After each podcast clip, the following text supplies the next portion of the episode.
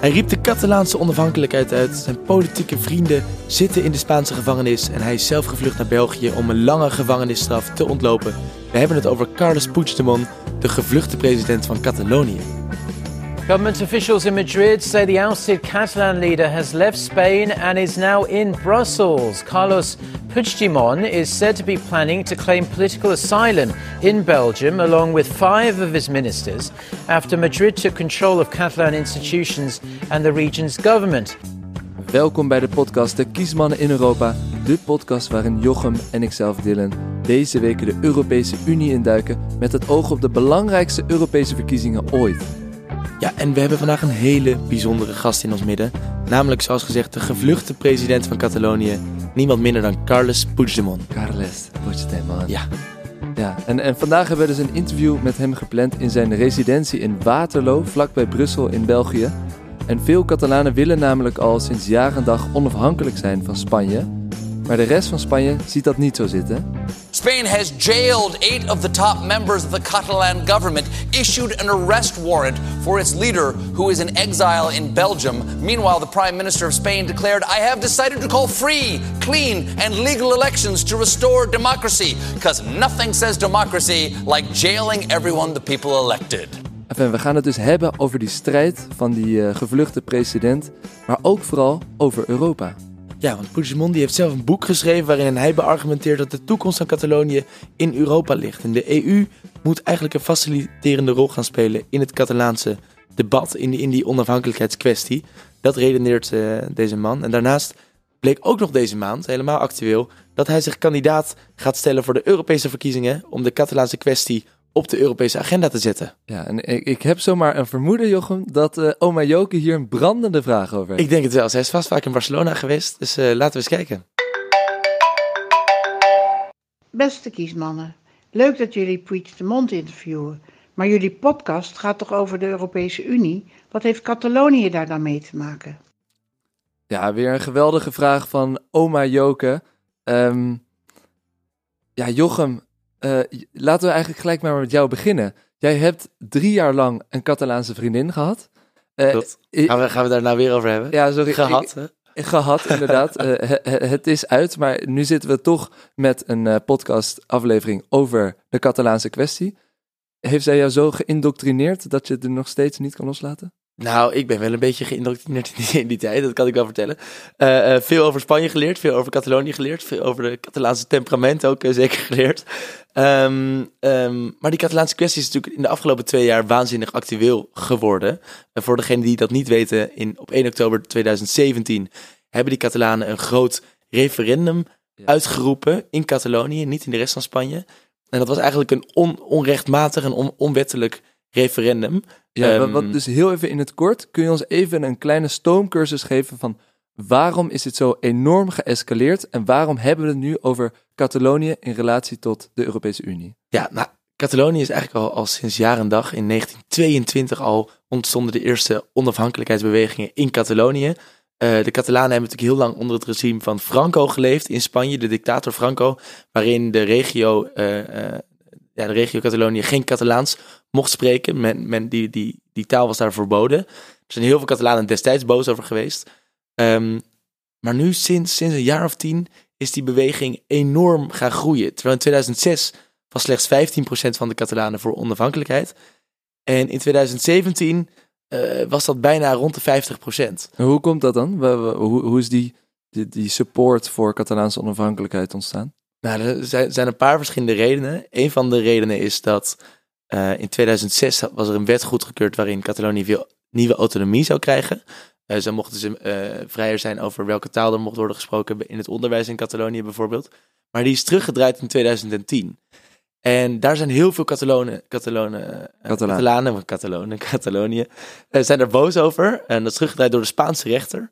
En daarnaast zijn ze ook in Madrid, hebben ze eigenlijk heel erg vaak een beetje een repressie-achtige eh, politiek gevoel. Repressie, dit klinkt alsof we in Iran eh, leven, maar hoe Ja, je repressie? Dat is toch wel een beetje overdreven? Nou, de- sowieso zien die Catalanen dat natuurlijk. En in die zin ben ik misschien een beetje biased. Ehm, maar wat je wel ziet, de, dat, dat referendum was uitgeroepen 1 oktober 2017. Eh, echt een beroemd referendum, maar dat was uniek. Eh, eh, in de wereld. De Schotten hebben het natuurlijk gehad, een referendum, maar dat was goedgekeurd uh, door het Verenigd Koninkrijk. Hier werd gewoon een referendum uitgeroepen over de onafhankelijkheid, zonder dat de Spaanse regering en de rechtsstaat daarachter Ja, dus eigenlijk wat je, wat je zegt, en die Carles Puigdemont, die we zo meteen gaan interviewen, die stond uh, hier aan het hoofd van deze onafhankelijkheidsbeweging, ja. was president van die regio Catalonië. Ja. Maar goed, toen oordeelde dus het Spaanse Hoge Rechtshof, jullie mogen geen referendum gaan houden. Ja. En toch deed hij het. Ja, ja. Maar dan, dan roep je toch ook ellende op je af. Zeker. Hij, ja. hij ging toch gewoon tegen de wet in. Ja, gewoon een boef. Ja, er zijn veel mensen in, in een heel groot deel van Spanje, vooral in Madrid, die inderdaad zeggen: uh, ja, deze man moet gewoon de gevangenis in. Uh, want hij heeft een, uh, een, referendum uitgeroepen dat tegen de wet was. Aan de andere kant kan je natuurlijk ook redeneren van het is het enige wat hij wou, was een, een referendum organiseren. En de mensen vragen wat ze van een bepaald idee vonden. En dat is natuurlijk ook wel een vorm van democratie. deze onafhankelijkheidsbeweging is ook ja, ze echt onbekend dat het heel erg vredevol is. Dus ze hebben soms demonstraties met 3, 4 miljoen mensen in Barcelona. Dat is echt gigantisch. En er breken nooit rellen uit. Dat zijn echt families. Dat zijn echt jonge kinderen, studenten, ook ouderen. Die met z'n allen zeggen: wij voelen ons veel meer Catalaans dan Spaans. En wij willen weg uit Spanje. Dus het is een heel, ja, echt gevoelig, gevoelig onderwerp. Misschien nog even goed. Wat was nou uiteindelijk de uitslag van dat referendum? Nou, de, de, uitslag van het referendum in 2017 was, er was een opkomst van 43 procent. Dat is best veel van de 7 miljoen Catalanen. En uh, 92 procent stemde voor onafhankelijkheid. Um, dat is natuurlijk gigantisch veel. Daarbij maar, moet maar wel, ja. ja, er moet wel bij gezegd worden dat, um, dat degenen die tegen onafhankelijkheid waren ook niet zijn komen opdagen. Uh, nu liggen die ongeveer, is het een beetje 50-50. De helft van de Catalanen wil onafhankelijkheid, de andere helft niet.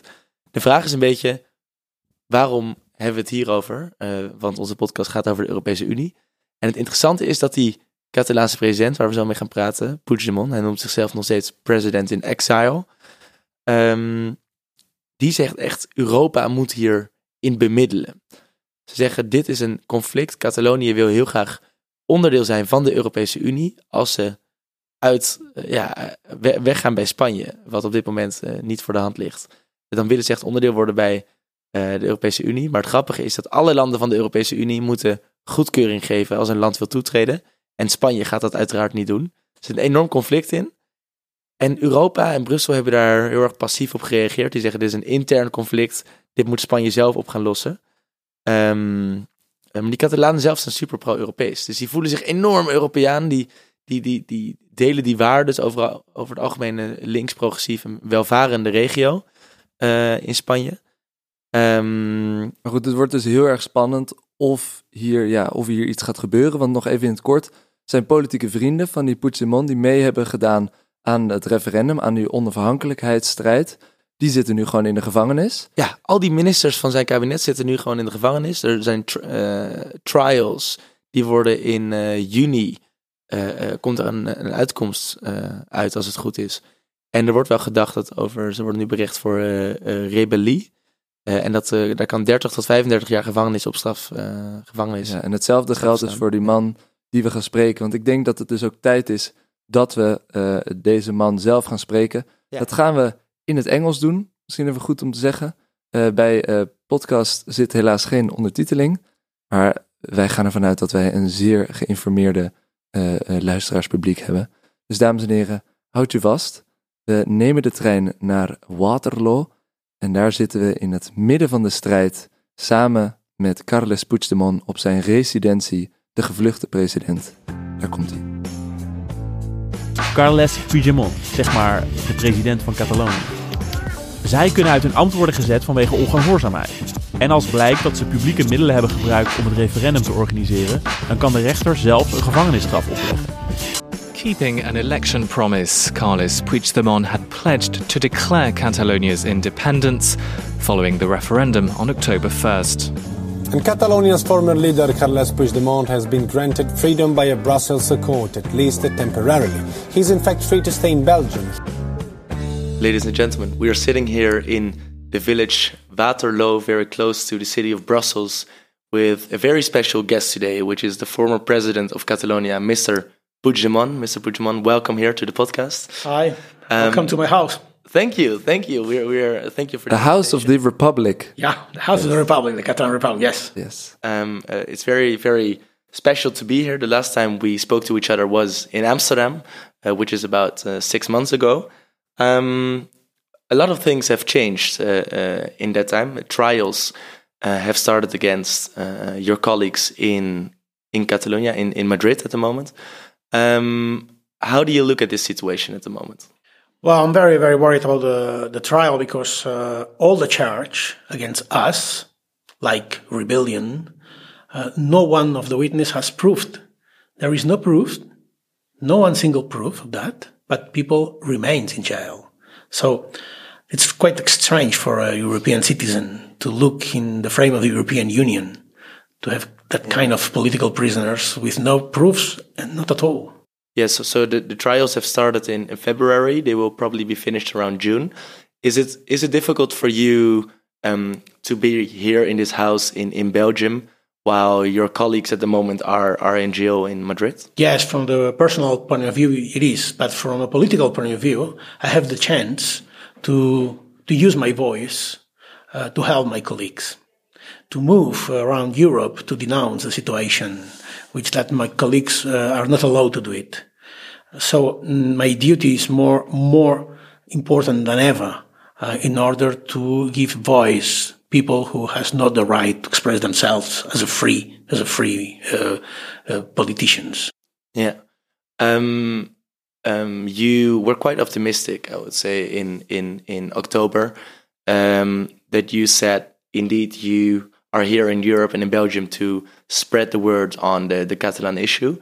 Um, do you have the feeling that you are actually able to to change something, uh, even though you're not in Spain? Yes, uh, I think the the um, the European um, European people, not obviously the states of uh, Europe, but European people has started to change his uh, point of view uh, on Catalan crisis, on the Spanish democracy. I think people feels something are not going the good direction in Spain, and and our job is to to enlarge uh, the comprehension, to enlarge the knowledge uh, on the on the situation that is going in, in a part of very important part of European Union. So you're trying to give voice to um, to those people in jail currently, um, also by by going around giving talks to different pla in different places in Europe. But why wouldn't you say, well, this is just a rule of law in Spain?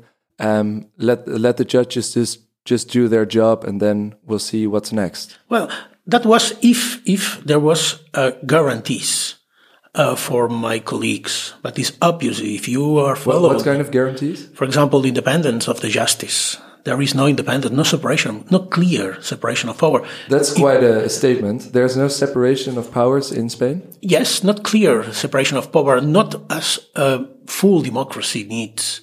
Uh, if you follow the trial, you can see uh, significant differences between the witness uh, proposed by the defenses or from the general prosecutor. For example, myself, I was not allowed to be uh, a witness of that trial. And I think my point of view is very important in order to know the facts because it is the matter of facts. Uh, you're a very special case, of course, but really, still coming back to that uh, the fact that there are not a, a strict separation of powers. There's been a lot of debate on the rule of law impeachment in both Poland and Hungary, and Frans Timmermans in the European Commission has been very tight on that. We haven't heard anything about the rule of law in Spain. So why is is, that just you saying there's a problem with the rule of law? Well, but I'm, I'm very disappointed on that because I think there is a clear double standard in Europe.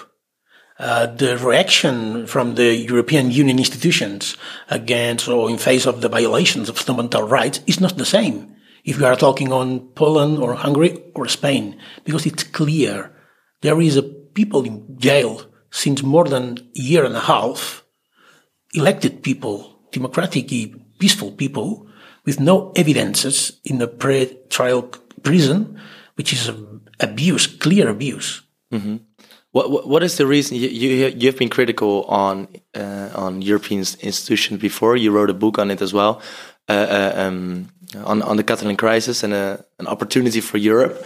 Um, a few months ago, also you tried to organize an event in the European Parliament, uh, which was rejected by the um, uh, the president of the European Parliament.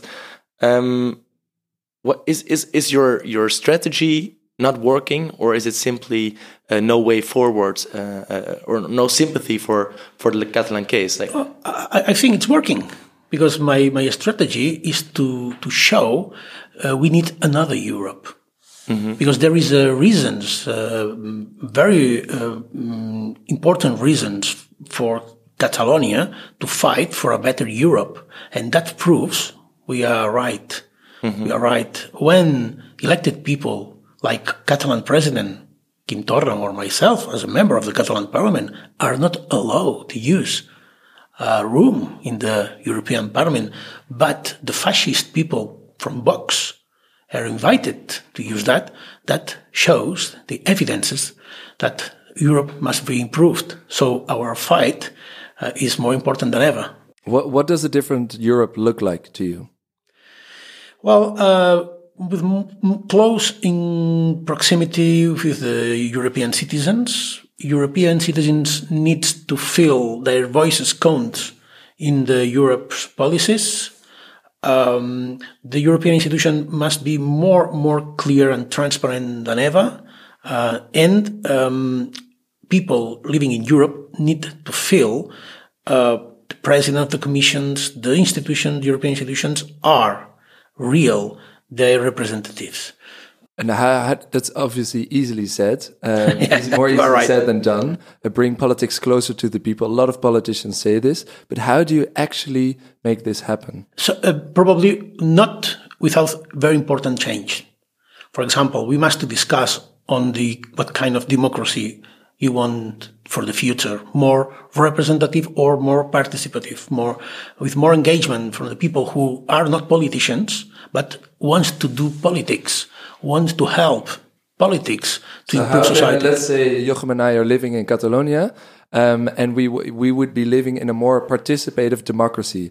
What would we us to do then? How would that look like? For example, in the in, in, in concept of citizenship, yes. you will be a Catalan from the first day, because the uh, our concept of citizenship, uh, democracy, citizenship is nothing. Is not a thing uh, mm, linked to the blood on to soil, but to volunteer to be part of a community. Sure. Yeah, but what what would it look specifically in case, like for instance, we would be a citizen of of of uh, Catalonia and we we are in a more democratic participatory uh, participatory society. What what does that mean exactly to you? For example, um, we want to allow people to participate every month in the decisions. Like, for example, uh, it's every three or four months in, in Switzerland. Um, all the debates, all the debates needs the participation of the people, not only parliaments and governments. We are, we have a society more informed, format uh, with the mm, with the, the, the intention to, to do politics, and we have now the tools to do that. So so by instead of just voting every four years, you say uh, Not only instead of we need to vote every four it, years. of course, sorry, sorry. Instead of just voting every four years, we would also be engaged in more uh, panel discussions or civil, civil deciding, society discussions. and deciding. And, And- allowing debates, allowing debates from the the, the we, we we want to build uh, a society uh, bottom up, not top down, Yeah. And that is very is, is a shift, but we need to do that also in Europe. Okay, you you are running for the European Parliament elections in, in the 23rd of May in, in the Netherlands until the 26th. Um, you have what was this the plan uh, uh, since since you left Spain, or has this been a new idea to you? Well, my, my plan to do politics in the European Parliament is to put in the European agenda the right of self-determination and the right of the peoples of Europe to exercise that uh, that right. Yeah. So it's a very very one single. No, it's one single. party. That is was the main goal uh, because we are fighting for the right of Catalonia. We are fighting against a very authoritarian state, and we are fighting uh, against the silence of Europe. So we need to move in order that Europe uh, start a dialogue, start a discussion on the Catalan crisis, because, which, which is a part of the European European concern. Is that is that um, uh, for you a new way in order to try to enforce something into the Catalan debate? Because you have tried many different options, right? You have been trying to uh, um, negotiate with uh, the European Parliament. With uh, you, you uh, once said that Donald Tusk should be uh, mediating the conflict between Catalonia and Spain. That has not happened yet. Is this um, some sort of a, a, a, final move for you, or it's or not a final move? No, no, no, no. Okay. Well, our our goal needs a lot of time. Mm -hmm. Our roadmap needs uh, several years, probably, mm -hmm. and uh, we need to fighting every every every year or every day uh, in order to allow a political solution. Is it even legally possible for you to run for the European elections? Will yes. you be able to get a seat in the yes. European Parliament? Yes, of course. But, but I'm a European free citizen. But, but we read that in order to confirm or pledge your candidacy for the European Parliament, you would have to get back to Spain, which is not uh, which is not possible at this moment. Have you found a solution for that? Or? Yes, because that is uh, that the um, some interpretation of the Spanish uh, law uh, explains, but. Uh, that elections are called from the European Parliament, and the, the the, the law from the European Parliament only ex- explains for the members of the European Union, they need to publish the results of the elections in order to be member of the European Parliament. Mm-hmm. Obviously, you we have the immunity since the first day you are elected, and if Spain uh, wants to respect the European rule of law, Spain needs to respect my immunity. Are they are they obliged to do that? Sorry. How do you know that, that Spain will respect the European rule? Well, because uh, uh, it's a member of the European Union, and uh, uh, in its commitment, it's to respect the rule of law of Europe. Mm-hmm. And uh, my well, I I hope Spain will respect the rule sure. of Europe. Yeah, yeah. Okay. Um, let's get back to to the plans that you have set on a more democratic Europe and the right to self determination. Um, your your view on democracy is obviously um, uh, an interesting one. You have said that um, Catalonia has the right to self determination, um, especially based on uh, um, human rights determination of uh, the United Nations. Um, the rule of law in Spain at the moment says that it is not possible to become independent for Catalonia. What is your view as um, United States of Europe, what you have once said. Should it be possible for all European regions to become independent if they would like to? Yes, first of all, uh, I think we need to not um, dramatize on the unity of states. It's nothing sacred. Uh, we we we uh, we must have the opportunity to discuss on that. States are not forever. Nothing dramatic to discuss uh, if uh, you need Spain is forever or Catalan Republic will be in the same forever. It looks quite dramatic to me um, after what what has happened the past few months. It doesn't look as easy to just call upon new borders and etc. We all know how sensitive borders are, right? Yes, the, the borders are a, a, very sensitive issue. Yes. Yet, but in the future, uh, when the concept of identity it's made not only by borders or by land or soil, but for, for example, the impact of globalization, we have a, significant impacts on the notion of identity. I think the borders could be so, an so obstacle. How, so how is a, an identity constructed in your eyes? Not as in the last uh, centuries. Right. Uh, is in a different way. For example, now we can uh, listen or, or, read some papers discussing on the identity uh, of the non-territorial nations, mm-hmm. such as uh, Google or Twitter or Instagram. Mm-hmm. they are starting creating communities probably in the future they will have their own banks, their own language, their own systems of governance, and people could also share uh, his identity, his national and classical identity with others' new identities. So managing identity is not easy. But, but let's get back to the Catalonian identity because the, the whole Catalonian issue is based on the um, idea of a Catalonian people with their own culture, with their own language, with their own customs. Not So- only. So, not only, of course, I'm not saying the full picture, maybe, but it is based on a sort of nationalist idea of a people. No, because as I said before, um, our um, concept of Catalan identity has nothing to do with the blood or your family's ancestors or, or your possession, material possession uh, of a piece of land on your territories. Something related to your will to be part of that community. But what what makes what makes you being part of something? Why, why would people want to be part of that community? What what defines the community of Catalonia in that sense? Yes, um, And, and defines it enough that you want to be different from Spain. Well, uh, for, uh, I'm, let me say something very mm, more uh, conceptual. The, the uh, concept of identity um, doesn't need to be mm, a consequences of an act of violence. We need to have the, the, the opportunity to decide, to decide our identity. For, uh, for now, we have forced, myself, I'm forced to be Spanish what about if my volunteer if I want to be or not? And um, I think it's time to start discussion on that. You, you, you can manage all your identities, sexual, religious, uh, cultural.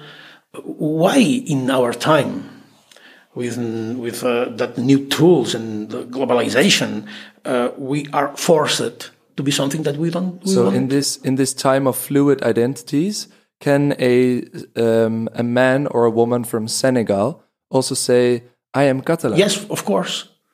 Yes, of course. And, and and what would that mean? Would that be because he is um, he is attracted to, to the language, or what? What defines this? If you say anyone can can be Catalan, what what is the because you you would really want to be independent. So for some reason, uh, um, there is some some nationalists in that sense. Uh, uh, um, There is a difference. urgency or, or well, the- our our goal to be in the, to to have an, an own state is to have the tools to manage that kind of challenges. It's not in to have a state like Spain changing the name or changing the flag. Uh, is only in order to have that tools that could allow us to manage the challenges for the future.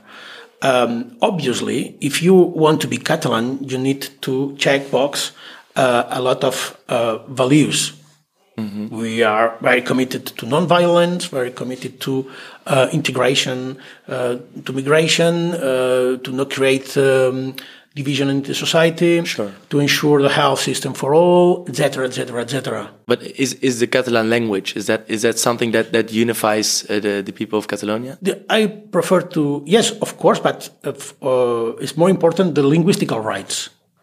We are talking on linguistical rights because in this, in Catalonia the, there is not only two language, but a lot of people uh, there are a lot of people having another language than Spanish or Catalan, uh, which uh, are both officials. So the linguistical rights are part of the, your own identity, and it doesn't matter if you are uh, what your uh, our language, your mother tongue. Uh, uh, it's uh, n- an state and a democratic state needs to protect your ling- linguistical rights and the the languages um, uh, threatened by big uh, languages uh, need to be protected too Yeah, yeah. Okay, and ju- just my my last question before we finish off. Um, you you say this this right of self self determination in all European states or generally all in the world should be uh, ensured. Um, what should that be based on? We we have discussed this question uh, before, but what is um, uh, can anyone simply uh, have the right to self determination? Any village, for instance, we are here in Waterloo in, in Brussels, and in, in case they feel very committed to have their own identity and their own uh, we- independence. We, we, we don't know in the future what will happen. We don't know exactly, but now, um, from the uh, the perspective of the the, the, the the Card of the United Nations, uh, the the International Covenant on Civil and Political Rights, they're saying all peoples have right to self-determination. Peoples meaning collect people, uh, society who identifies themselves as a part of the community. And yeah, but it could be anyone. It Right? could be Amsterdam has a very strong identity. depends. Is is is, is, is people Amsterdam feeling they are part of a nation?